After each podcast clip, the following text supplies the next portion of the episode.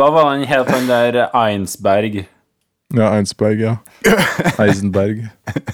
Og med katta og de greiene der. Han med katt? Ja. Ok, nå begynner vi. Hysj, Jonas. Hysj.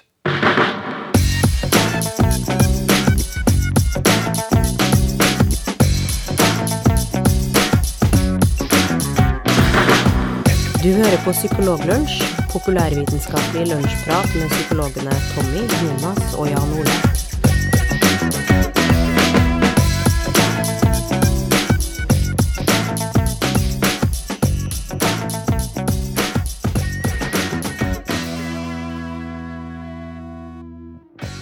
Hei og velkommen til en ny episode med Psykologlunsj. Mitt navn er Tommy Mangerud, og som alltid så har vi Jonas Rumpeldunk-Våg og Jan Ole TV Hesselberg.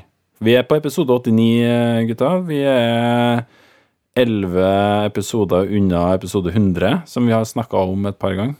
Har dere planene klare, og alt eh, er opplegget helt i orden og ferdigsnekra? Ja. Og vi har hatt en pause på eh, gode fem uker. Ja, det er sant.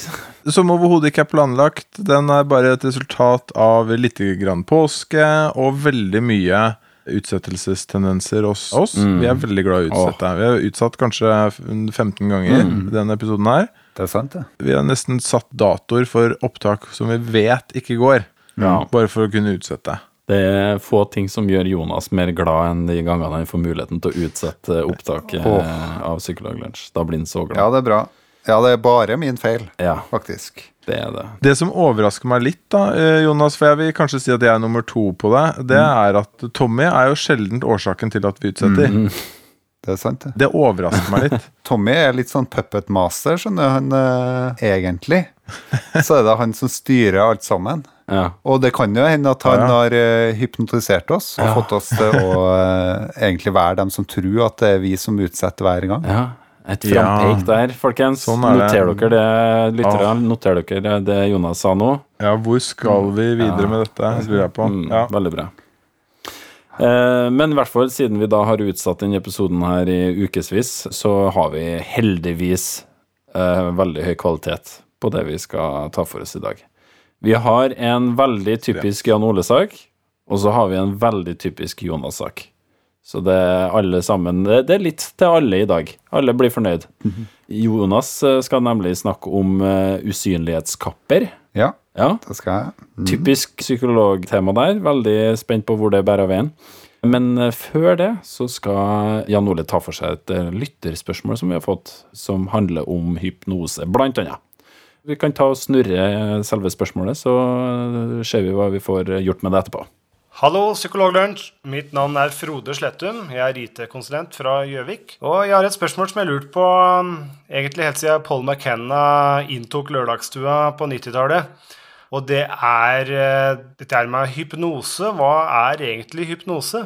For jeg føler at vitenskapen eh, prater om en slags veldig avslappet tilstand, der den kanskje er lettere mottakelig for impulser, men det vi ser i underholdningsbransjen, er på en måte noe helt annet. Og de siste åra har jo Darren Brown og kollegaer fra bl.a. her i Skandinavia har eh, i hvert fall tilsynelatende manipulert eh, mer eller mindre tilfeldige mennesker til å gjøre de utroligste ting. Og de kaller seg gjerne mentalister. Så vidt jeg forstår, i hvert fall, så er hypnose et av de begrepa de bruker. Og NLP har jeg òg hørt i den sammenhengen. For å fortsette med Darren Brown som eksempel, så har jo han vært relativt åpen, i hvert fall tilsynelatende, med sine metoder. Og jeg har liksom litt vondt for å tro at alle han eh, manipulerer, er skuespillere, men det kan godt hende jeg er naiv. Det jeg syns er veldig rart, er at eh, sånne som han kan, uansett hvor mye du har manipulert denne her personen i forkant, at du kan ta noen på et triggerpunkt og si 'and sleep'. Og så sover den personen, eller den er i en slags tilstand der du kan gjøre de utroligste ting.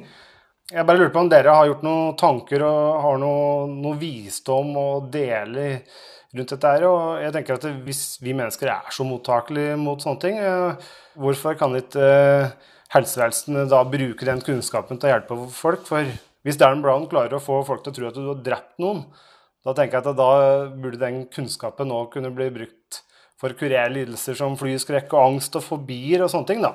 Det var fra Gjøvik i dag. Adjø. Ja, det var eh, altså spørsmålet til Frode. Et veldig veldig godt spørsmål som eh, jeg har engasjert meg litt i eh, tidligere også. Eller det er et spørsmål jeg har stilt meg selv ganske mange ganger.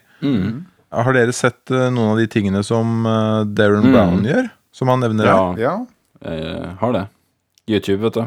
For de av lytterne som ikke kjenner til det, så er det å anbefale, kanskje før dere går videre, rett og slett å søke opp Darren Brown og se noen av de eh, tingene som er lagt ut eh, med han der. Han har gjort noen spektakulære liveshow, og han har også gjort flere TV-serier hvor han eh, tilsynelatende manipulerer folk på de mest utrolige måter. Ikke bare gjennom hypnose, men også gjennom det som omtales som NLP, da, som ligner litt på, på det. Og for de av oss som er på vår alder, så husker jo alle den første han nevner her, som er eh, Paul McKenna. Som ble kjempekjent i Norge. Han eh, hypnotiserte eh, Knut Bjørnsen. Jeg vet ikke om noen husker det? Gjorde det, ja? Det er et klipp vi skal linke Aha. til i shownotene. Ja, for han hypnotiserte den jo til at eh, du skal fortsette karrieren din med å selge gryter. Eh, og derfor fikk han tilnavnet Gryteknut uh, på slutten. Ja. Og så plutselig så begynte han å selge gryter. Mm. Nei, det var i et eller annet opptak da han satt som uh, hallomann, og så plutselig så uh, fikk han et sånn uh, keyword, og så ble han litt sånn rar. Men uansett, vi har alle sett det i en eller annen form. Noen ganger så har vi sett noen klipp av noen som hypnotiserer noen, enten det er på sånn sceneshow eller i andre sammenhenger. Og så gjør de noen ting som de vanligvis ikke ville ha gjort. Og som Frode også sier, så er det sånn at vitenskapen beskriver egentlig hypnose mer som en eh, tilstand av avslapning, som vanskelig kan beskrives som en egen type tilstand. Det er ikke sånn som med søvn, f.eks., så du kan måle det kvalitativt, at det er en annen type tilstand enn våkenhet er. Og avslapning er en type våkenhet som bare er eh, Du er bare roligere, på en måte. Og det skjer ikke noe spektakulært annet med hodet ditt når du er eh, i eh, en hypnotisk tilstand. Det gjør det ikke. Så er jo det store spørsmålet som man stiller, er det egentlig humbug det de presenterer eh, på TV her? Og det korte svaret på det er vel strengt tatt ja, vil jeg si. Jeg vet ikke hva dere tenker om det. Gutter. Humbug der, ja. Akkurat. Ja. Ja, altså eh, Det er jo flere ting som blir tatt opp her, da, men uh, la oss ta disse sceneshowene til Paul McKenna, sånne i scenehypnose. da. Så er han inne på noe ganske sentralt der. Han, uh, Frode bruker begrepet 'tilsynelatende tilfeldig utvalgte personer'. Og det er to ting som er viktig her, og det ene er at disse menneskene er ikke helt tilfeldige. Det er ikke, det er ikke sånn at når du sitter i et uh, rom på et hypnoseshow, og de spør etter deltakere, så er det ikke helt tilfeldig hvem som melder seg som deltakere. Og så har du det andre poenget, det er at det er en uh, situasjon med et ganske høyt sosialt press. Det er uh, tydelige regler for hva som skal skje. Du er litt fristilt for atferden din. Alle synes på det. Du, det er større aksept for at du gjør noe annet i den situasjonen. Så dette er jo Selv om hypnose kan egne seg til å påvirke deg, så er det et samspill mellom den som eh, er hypnotisøren på scenen, og de som er på scenen. Det er med på et type spill. Tommy? Ja, og så er det jo, som du sier, altså, hvem er det som er med? Og en ting jeg har tenkt på nå, som jeg kanskje ikke har tenkt over så mye før, det er jo at de folka som er her, har jo også betalt billett for å være med på showet. Du sier det er en del regler som eh, gjelder, og de har jo egentlig allerede gått inn for å ha en hyggelig aften, ikke sant? Med å betale billett og komme seg dit og alt mulig. Så de har mye investert i at det skal være et godt show, de òg. De har mye investert i det, og i tillegg, selv om du ville ønsket å utfordre det, så er det Du ødelegger kvelden for alle hvis du går opp der og ikke gjør det. Så er det nok sånn at eh, selv om det er de viktigste faktorene, så vil nok mange som har gjort det, føle at de har vært eh, under påvirkning. Det vil de nok, så det, det, det betviler jeg overhodet ikke. Jeg syns jo også at eh, spørsmålet som han stiller på slutten her, Frode, med eh, hvorfor hadde ikke det her da blitt brukt mer i helsevesenet, f.eks. Mm. Det er en bransje som jeg tenker hadde ville plukka opp det her litt raskere enn helsevesenet, hvis at det var noe i det. Og det var eh, folk som har mer lyssky motivasjon. Kriminelle. Ja, helt klart. Eksempel, som har lyst til å svindle og lure og, og få seg goder på uærlig vis. Ja, Altså, se hvor mye folk investerer i å stjele penger Ja. fra andre. Eller ikke stjele, men også å få penger fra andre, da.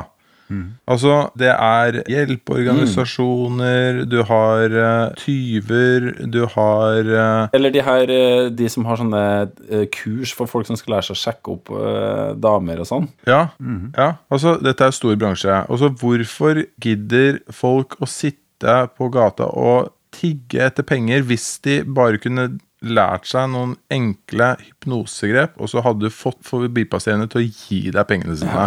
For dette er jo faktisk en ting som Darren Brown gjorde i et av showene sine. Han gjorde det. Han var på en veddeløpsbane og gikk og ba om å få penger fra hun som satt bak kassa. Og så hypnotiserte han henne, og så ga hun bare han Ja, penger. penger. det, det, det funker, altså. Så det, det går. Ja.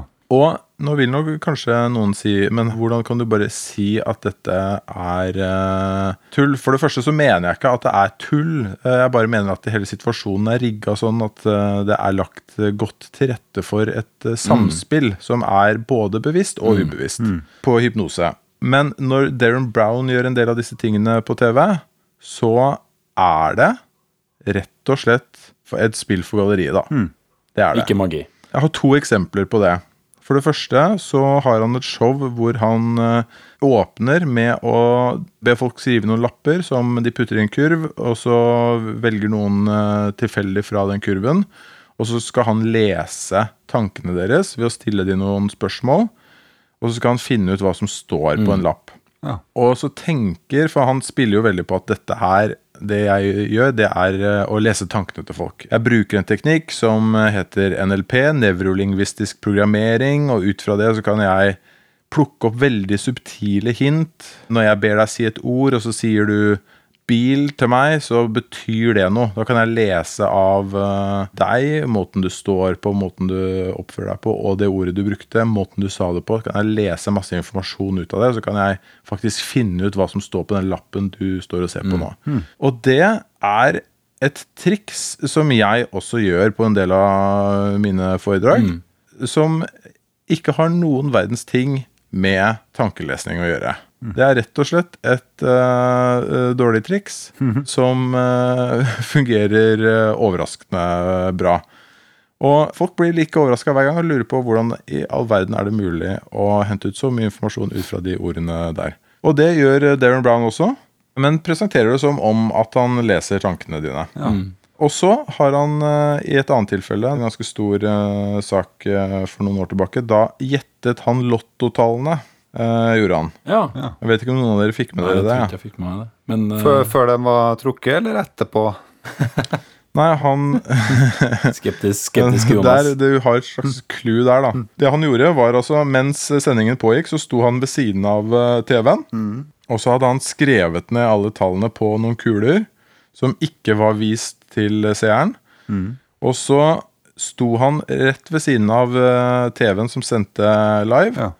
Og med en gang de var ferdige med å plukke tallene, så snudde han uh, sine kuler. Og der sto alle de riktige tallene. Ja. Det var bare noen sekunders uh, delay på det.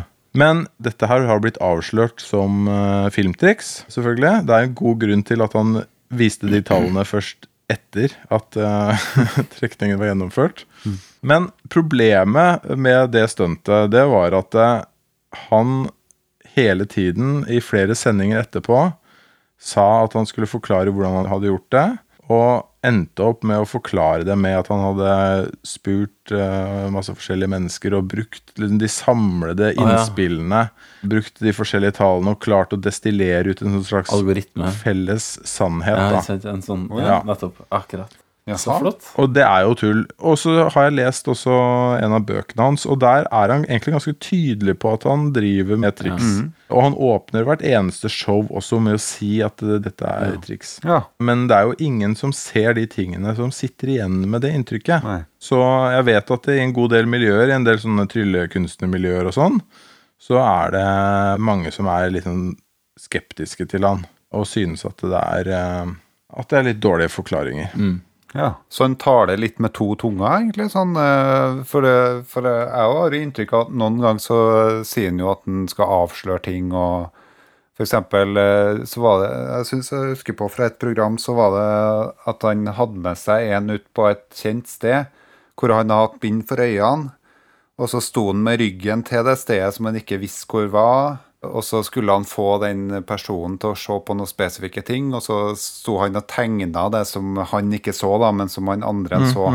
Om, eh, på, Ja. Påstå at han liksom leste tankene, leste synsinntrykkene til den andre. Og så avslørte han jo etterpå at han hadde sett det i pupillene, eller den sjette ved å se på øynene, og at de bevega seg, og så så han liksom gjenskinnet i, Ja. i øynene deres når han uh, tegna det ned. Så der var han jo liksom drev han Ja. jo og avslørte hva han liksom fikk fram. da. Men det er det som plager meg litt med Darren Brown, er at jeg føler ikke at jeg kan ikke stole på de forklaringene. For eh, det høres veldig vanskelig ut å se det på pupillene. Og vi vet veldig godt at han har gitt forklaringer tidligere, sånn som det er med Lotto-eksperimentet, som er Det er bare tull. Ja. Det er bare vås. Ja. Uh, og så Jeg vet ikke om det går an å stole på det. Og det samme, jeg så en sending, eller et program som han lagde som fikk veldig mange seere. Det het eh, Apocalypse, eller noe sånt. nå, Hvor han får en person til å tro at jorda er i ferd med å gå under, og det er en vanvittig iscenesettelse. Ja.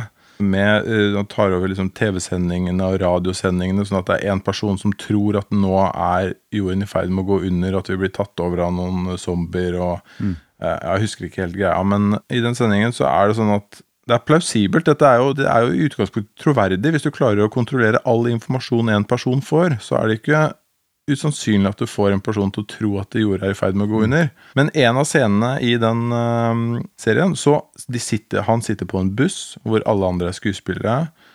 Og så kjører de, og han tror at verden er i ferd med å gå under. Og så plutselig så begynner det å eksplodere rundt den bussen. Og så er han livredd, denne personen. Helt skrekkslagen. Og så kommer Darren Brown inn og knipser litt, og så sovner han. Ja.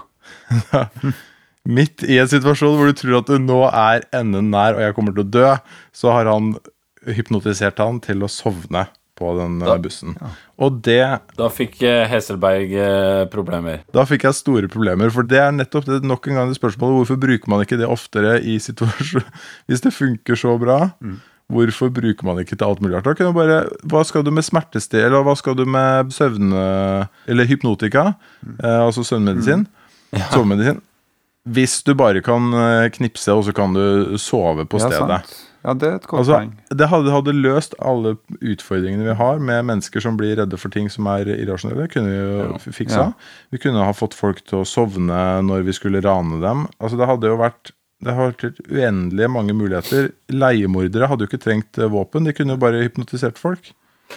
Ja, og for ikke å snakke om eh, altså, sånne steder som nå har døgnåpent, sånn som McDonald's har jo døgnåpent nå. Da, altså For å få en effektiv vaktskiftesystem, så kunne man jo bare hatt en hypnotisør som knipsa litt eh, innimellom. Så kunne de sove når det ikke var noen kunder, og så bare klappa og så satte i gang igjen eh, når det kommer kunder inn. da. Det var det Jonas tenkte på. Eller at det bare, bare knipsa sånn at de trodde at de nettopp kom på jobb. Ja, ja. ja enda bedre. Bare Åh. Men, eh, men De tar tre skift på rad. Fantastisk. Hæ? ingen som blir sliten med, liksom. Du bare blir utnytta av eh, som en sånn ham, Går i et hamsterhjul for McDonald's. Ja. Men jeg syns jo at vi har fått fram litt det poenget med at eh, en kan jo være litt sånn skeptisk og litt kritisk til det Darren Brown um, gjør.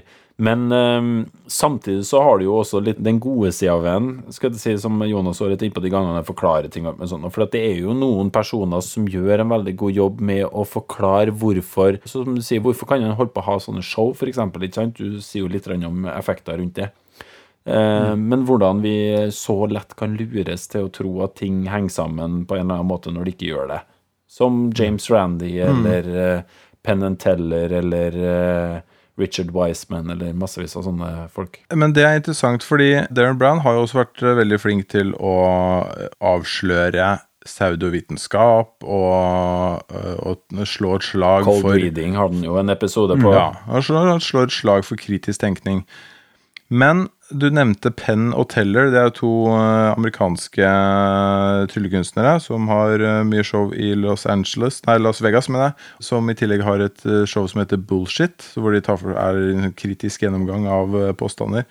Og de er jo veldig kritiske til eh, Darren Brown. De sier han er en god venn av oss, men vi skjønner ikke helt hvorfor han uh, ikke er tydeligere på det som er tull, og det som ikke er tull. Det vil jeg tro. For de er kjente for at de avslører sine triks, og de viser nøyaktig hvordan triksene fungerer, men det uh, fungerer veldig bra likevel.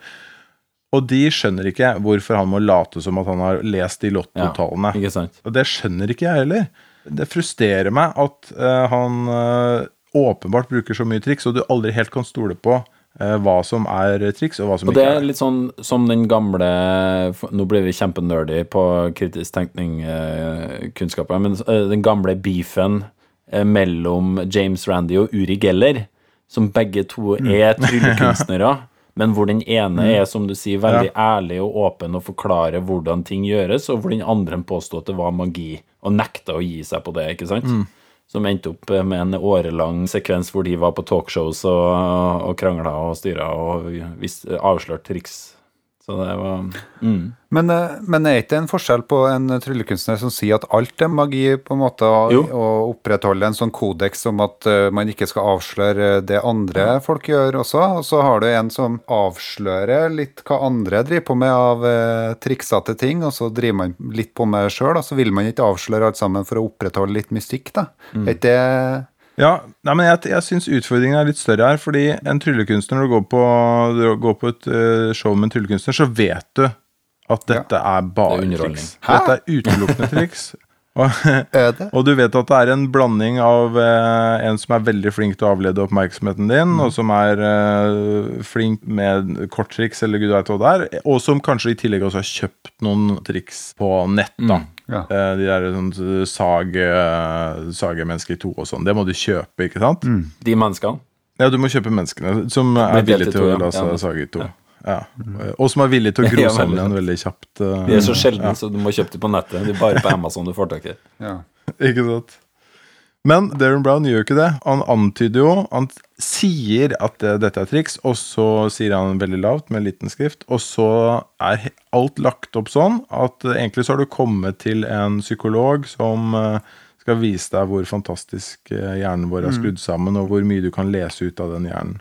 Eh, og så vet du at noe er triks, og så, Mm. så skjønner du ikke helt uh, hva blandinga her er, da. Men, eh, men hva tenker dere om Det er jo og en sånn danske som har et sånt lignende program. Ja, Ja. Som heter 'Fucker med din hjerne', eller på hvert fall det er på Riktig. dansk.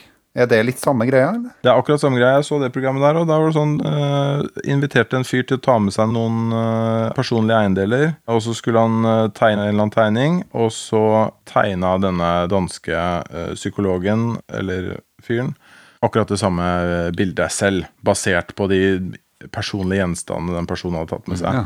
Det går ikke. Og jeg er ganske sikker på at jeg kunne ha kontrollert den Hvis han hadde bedt meg om å gjøre det, så kunne jeg kontrollert den situasjonen sånn at han aldri i livet hadde klart å tegne det som jeg mm. tegna. Ikke sant? Og så, nå må jeg bare si at nå har vi snakket om to mennesker her, da, i Ja. hvert fall. Som ikke er her for å forsvare seg. Jeg skal skrive jeg, til uh, Darren Browns management og si at vi har tatt opp dette. Og så skal jeg skrive til han danske uh, mannen også. Og så skal vi gi dem muligheten til å komme til Altså, Oi! Eh, kan du ta et kort oppsummering av hele podkastepisoden på engelsk, sånn at Darren Brown eh, skjønner hva vi har snakka om? Jeg skal sende han noen personlige eiendeler, okay. og så en liten tegning, og så skal han selv klare å finne ut hva vi har Ok, snakket ja, om. men det var, det var veldig bra. Eh, Selvfølgelig. Han trenger jo ikke beskjed om hva vi har snakka om. Veldig fint. Da skal vi runde av den eh, sekvensen her, men vi skal ikke avslutte temaet. For vi har snakka om eh, magi og tryllekunstnere. Og i dag så skal Jonas innom to ting. Han skal gjøre rede for eh, det her konseptet usynlighetskappe. Men siden det er usynlighetskappe, så har du vært på Galtvort, og du skal også forklare eh, hvorfor du har fått navnet Jonas Rumpeldunk eh, Våg. Ja. Og ta bare kjapt de der rumpeldunk-reglene veldig, Veldig kjapt. kjapt eh, alle Ja, det- det- kan jeg gjøre. Det, det høres jo Det var stas. Jo, vær så god. Det er jo litt interessant. Vi har vært inne på ulike tankefeil her i podkasten tidligere, og ulike bias, da, eller tankefeil, som eh, Tommy og Jan Ole liker å kalle det. Og helt nylig nå så har det kommet en helt ny artikkel som tar for seg hele sju studier eh, på et fenomen som de mener er en ny form for bias. Jaha. Og det kaller da trommevirvel usynlighetskappe-biasen. Så du skal snakke om en tankefeil som Mm. heter usynlighetskappen, ikke om usynlighetskappe Ikke om Nei, det er ikke noe tryllekunst hvor uh, du uh, kan Nå er- skjule jeg er skuffa. Ja, jeg vet. eh, Jeg vet, Jeg er men skuffa fordi vet du, på noen av de der vitenskapspodkastene som jeg hører på, så driver de jo faktisk og snakker om forsøk Ja. på å lage uh, usynlighetskapper. Ja. Oh. Hvor du får lyset til å bøye seg og, og Så det der, Jonas, jeg vet. det var et lavmål. Nå, håper jeg det tar seg opp herfra. Så den usynlighetskappe-illusjonen, da, hvis jeg skal kalle det det, Ja. det er et fenomen som, uh, som uh, ei som heter Boothby, og kollega, da, Det hørtes ut som et Galtvort-navn, da. Ja, det er et Galtvort-navn. Men dem, eh, det er faktisk publisert i journalen Journal of Personality and Social Psychology. Egentlig et ganske anerkjent eh, tidsskrift. da. Ja. Det de eh, gjorde først, for å undersøke finnes det et fenomen som heter usynlighetskappefenomenet, så gikk de inn på et eh, nettsted som heter Amazons Mechanical Turk. Kjenner dere til det? Ja. Ja, hva, Kan ikke du Ja, Ja. for jeg var, jeg var inne på der. Og så fant jeg ut at her er det mulig å tjene penger. Hvis du melder deg på Amazons Mechanical Turk, så kan du svare på diverse ting, og så tjener du litt penger. Ikke masse penger, men litt Ja. penger. Oh, ja. Så hvis du f.eks. noen forskere stiller et spørsmål rundt eh, et fenomen, da, så kan du svare på det, og så tjener du 0,01 dollar, for eksempel, for en besvarelse. Jo. Ja. Og, det, og Google har også en sånn eh, variant. Ja, har de det? kan laste ned en app hvor du får noen sånne poeng og sånn hvis du svarer på spørsmål. Ja. Så det kan forskerne bruke når de slipper opp for eh, psykologistudenter Ja. som er rett utafor døra deres. Ja, sant. Ja, så det er sikkert derfor at de brukte det. At det var ikke noen psykologistudenter utafor. Du, forresten. Det er en, et halvminutt. Eh, Det er faktisk publisert en annen studie også. Den tenkte jeg skulle ta for meg, men den eh, blir bare en sånn eh, en ekstra greie. I et annet personlighetspsykologisk tidsskrift så har man publisert nå at eh, de har undersøkt 8000 studenter i USA på ulike universitet og funnet ut at Alle viste seg å være psykologistudenter. Nei, ikke alle psykologistudenter, men eh, de kontrollerte for hvilken type studie du tok. da. Og de fant ut at det universitetet du går på, påvirker Eller det er en seleksjonsbias i, i studier hvor du sammenligner ulike studenter. Sånn at eh, det universitetet du går på, har også litt å si om hvilken type personlighet du har. Eller motsatt, da. Hvilken type Ah. personlighet du har, har litt å si for hvilket universitet du velger. Ah. Så det, det må, det, Jeg regner med at den effekten er kjempe, kjempesterk. og kjempesterk. også. 1-3 forklarte han. Mye mer enn geografi, for eksempel, og sånt. Men de, mente, de som eh, studerte, mente at eh, det kan også påvirke litt resultatene. Altså, du, du kan ikke forvente at eh, du får den samme effekten på tvers av eh, studentpopulasjoner. Så nå sitter jo eh, psykologiforskere på ulike universitet og vrir seg i håret, fordi at det kan hende at det er noe helt annet på Harvard enn på Nord universitet eh, i, på Levanger, da, Ja. hvor jeg jobber. ja. Ja, Det vil jeg nesten regne med. Ja, kanskje det. Eh, og trommevirvel, de fant ut at, eh, at eh, studenter som gikk på et universitet med masse folk, de var mer ekstrovert enn universiteter som hadde få studenter. De som gikk på universitet med masse folk, er mer ekstroverte enn de som velger nettbasert universitet. Det er helt utrolig. og enda et banebrytende funn da, er at folk som velger universiteter med litt sånn creative arts og sånne ting, urbane universiteter Skårer mer på er- åpenhet. Ja, de gjør det. Skårer mer på åpenhet enn folk som eh, enn folk som begynner der, eh, der de bor.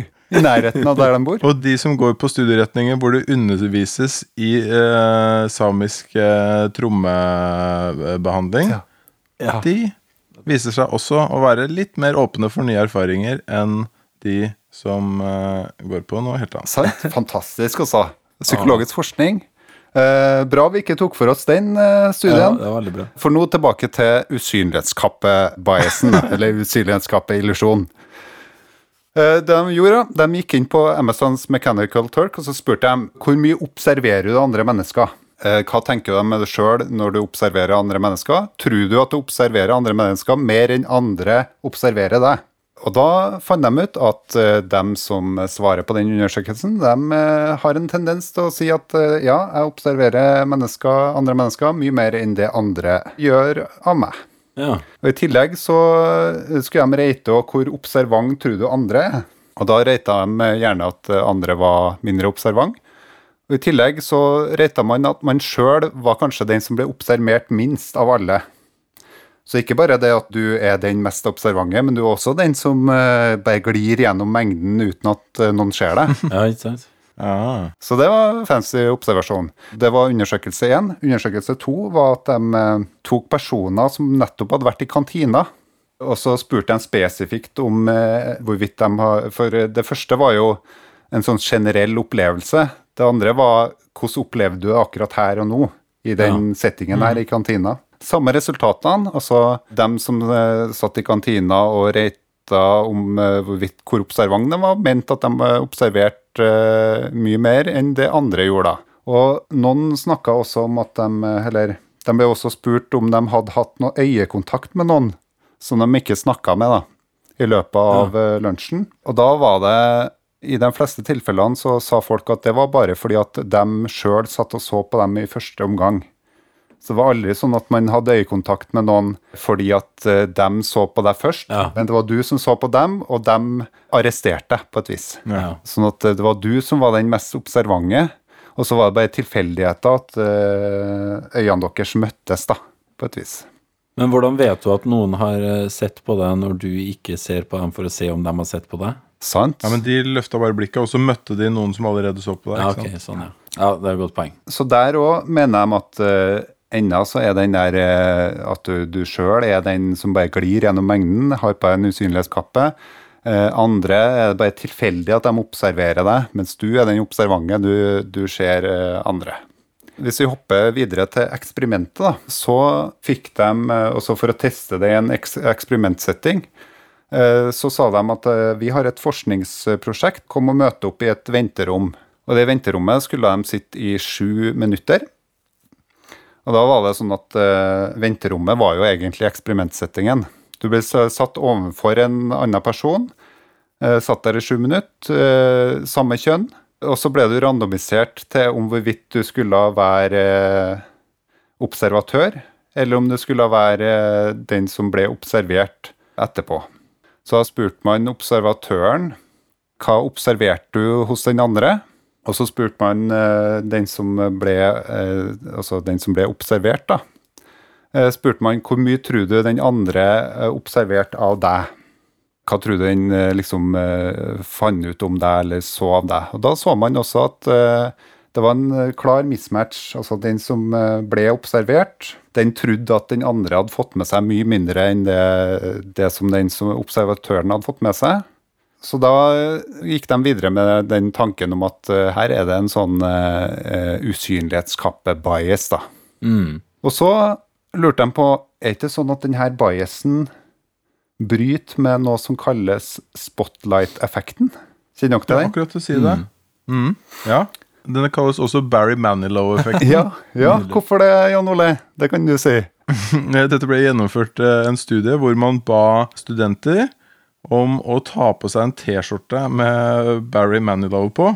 Som ikke akkurat var superhip, det det var på 90-tallet. Mm. Nå er han nesten blitt sånn retro-hip. Ja. Spesielt nå som han har kommet ut av skapet og greier.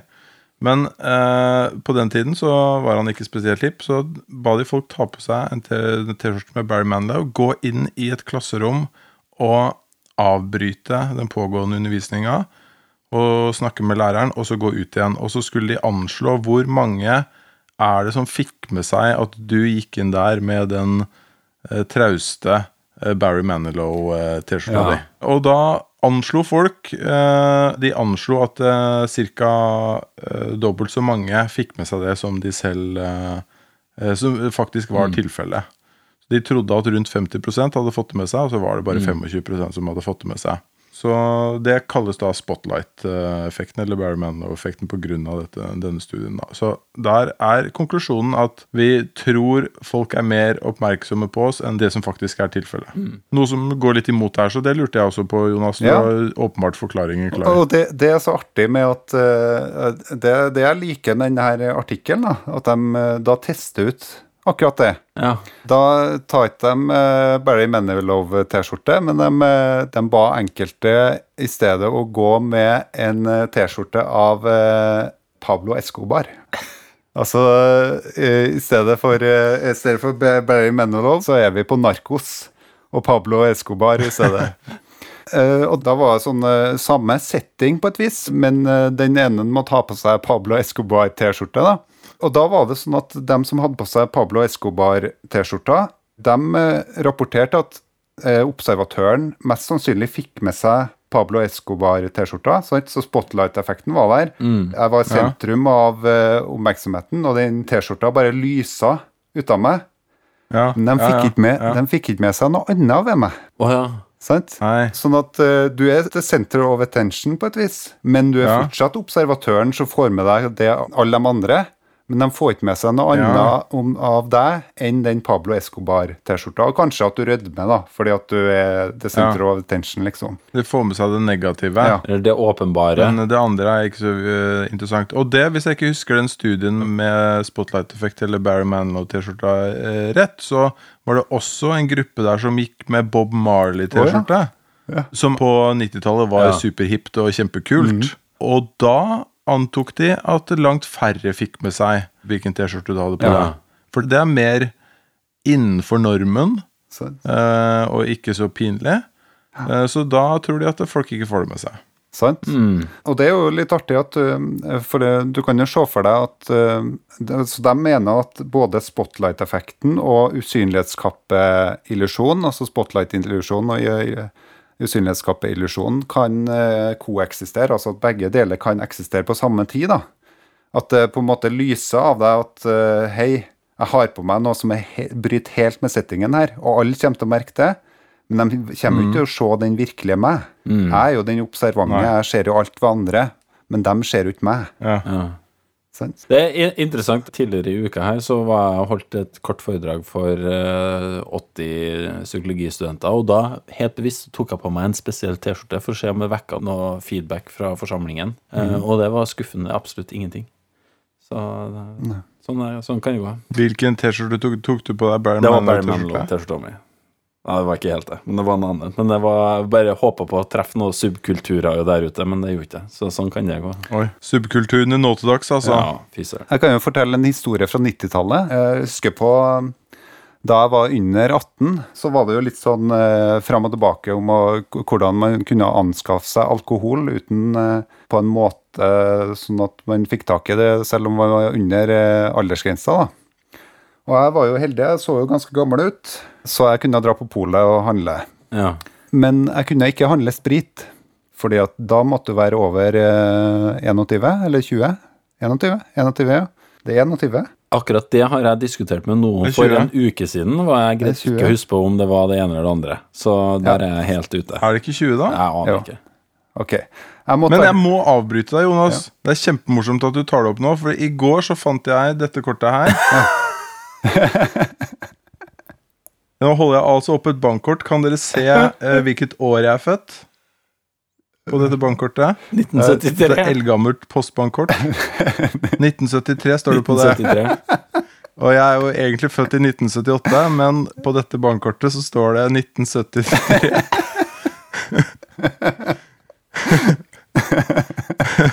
Og det er faktisk ganske godt gjort, altså.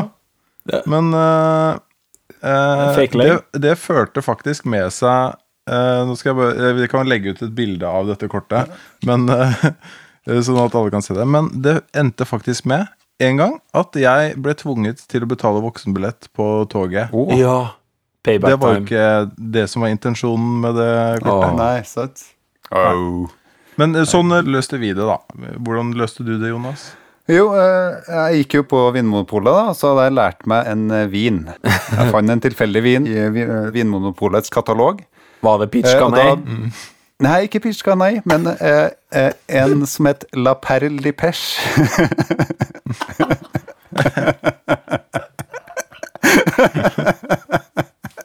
Så nok kanskje, for dem som kan fransk, forstår kanskje at det er Pitch nei. Eh, I hvert fall, eh, det er den billige versjonen av Pitch Guy. Det er ikke, det er ikke så fancy som pitch Guy er. Og da, og da fikk jeg tak i den, da. Og så var det fest på Bakkelidammen, og så var jeg i hvert fall eh, på vestsida av, av Trondheim. Oppå attmed et tjern oppe, oppe på Byåsen, som det heter i Trondheim. da. Så hadde jeg med meg den flaska. Jeg var en ganske sånn sjenert gutt eh, på den tida. Så jeg var litt sånn eh, Jeg, jeg så vel for meg sjøl jeg var en som gled inn mengden. Men fordi at jeg hadde med den Peach Canay Nei, La Pelle Peche-flaska, så ble jeg faktisk helten, altså. Jeg ble champagnegutt. Ja. Og champagnegutt var et kallenavn som gikk igjen ganske lang tid etterpå. ja. Og den følelsen jeg satt igjen med da, var litt sånn den samme følelsen som jeg ser for meg eh, dem som hadde på seg den Barry Manilow-skjorta, eller eh, Pablo Escobar-skjorta, hadde. Ja. Altså at det eneste som eh, du huskes for, er den eh, flaska, og ikke deg sjøl, Ja, hvem du egentlig er. Ja. Oh, ja. Og så det var litt sårt òg, det her, Jonas. Det var egentlig ikke så sårt, altså. Men, eh, men det er litt samme, litt samme effekten, egentlig. Og jeg var redd for å bli avslørt, da. En dag så kommer de til å se Ja. meg, og at jeg faktisk ikke er champagnegutt. Altså, det En dag så kommer de til å se at jeg ikke har henda fulle av eh, drikkevarer. Og der står jeg naken igjen, uten egenskaper. Men du må huske på det, Jonas, at for oss så er du alltid en champagnegutt. Det vil alltid være. Ja. Men uh, denne studien er jo egentlig ganske interessant, fordi at uh, hvis du har f.eks. hvis man er sosialt engstelig, så har man ofte en oppfatning av at man er i sentrum av oppmerksomheten. Men det er kanskje ikke sånn at man tenker ikke at det er de tingene ved seg sjøl som man kanskje har lyst til å vise til andre, den tror man ikke blir sett av andre. Ja. Det er gjerne bare de negative sidene ved seg sjøl. Altså, den Pablo Escobar-skjorta er kanskje det at du rødmer, eller at du er nervøs, eller at du opplever at du er annerledes enn andre. Det tenker du lyser ut av deg. Men kanskje er det sånn at folk faktisk observerer mye andre ting også som du ikke har fokus på, da. Så det er litt sånn eh, fokusillusjonen i det, at du, du tror at eh, det er de tingene du tenker på sjøl, som andre ser av deg, og så ser de ikke andre aspekter ved deg sjøl. Det var veldig interessant. Det folk må ta med seg fra denne historien, her, er at hvis du har sosial angst eller er litt sosial engstelig, så har alltid med deg en peach canay eh, med deg. Så eh, kaller folk deg for champagnegutten i stedet. Ja, eller hvis du har lyst til å spare penger, så kjøp eh, La Pelle Peche, Ja. som er et billigere alternativ. Det er billigere. Mm. ja. Og hvis du kan få med noen sånne kjendis-T-skjorter Ja. på kjøpet, så må du det. da Et godt utvalg av forskjellige kjendiser, populære og upopulære, som du kan eh, bruke. Jeg, faktisk har jeg hørt at du kan nå bestille en eh, T-skjorte hvor du har ansiktet til Jan Ole TV Hesselberg på fronten på brystet, og så kan du gå med den. Kan det være din egen private Barry Manilow, mens du later som du er Jonas eh, champagnegutten eh, Våg. Det var alt for eh, denne lunsjen. Episode 89, snart episode 100. Det ser vi veldig fram til. Men for nå så ønsker vi dere en flott fem ukers tid til neste gang vi har opptak.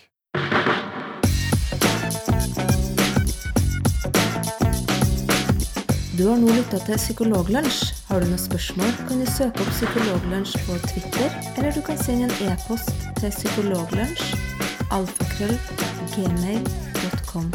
Mer informasjon om temaet du har hørt i dag, finner du på psykologibloggen.no og tankesmed.no.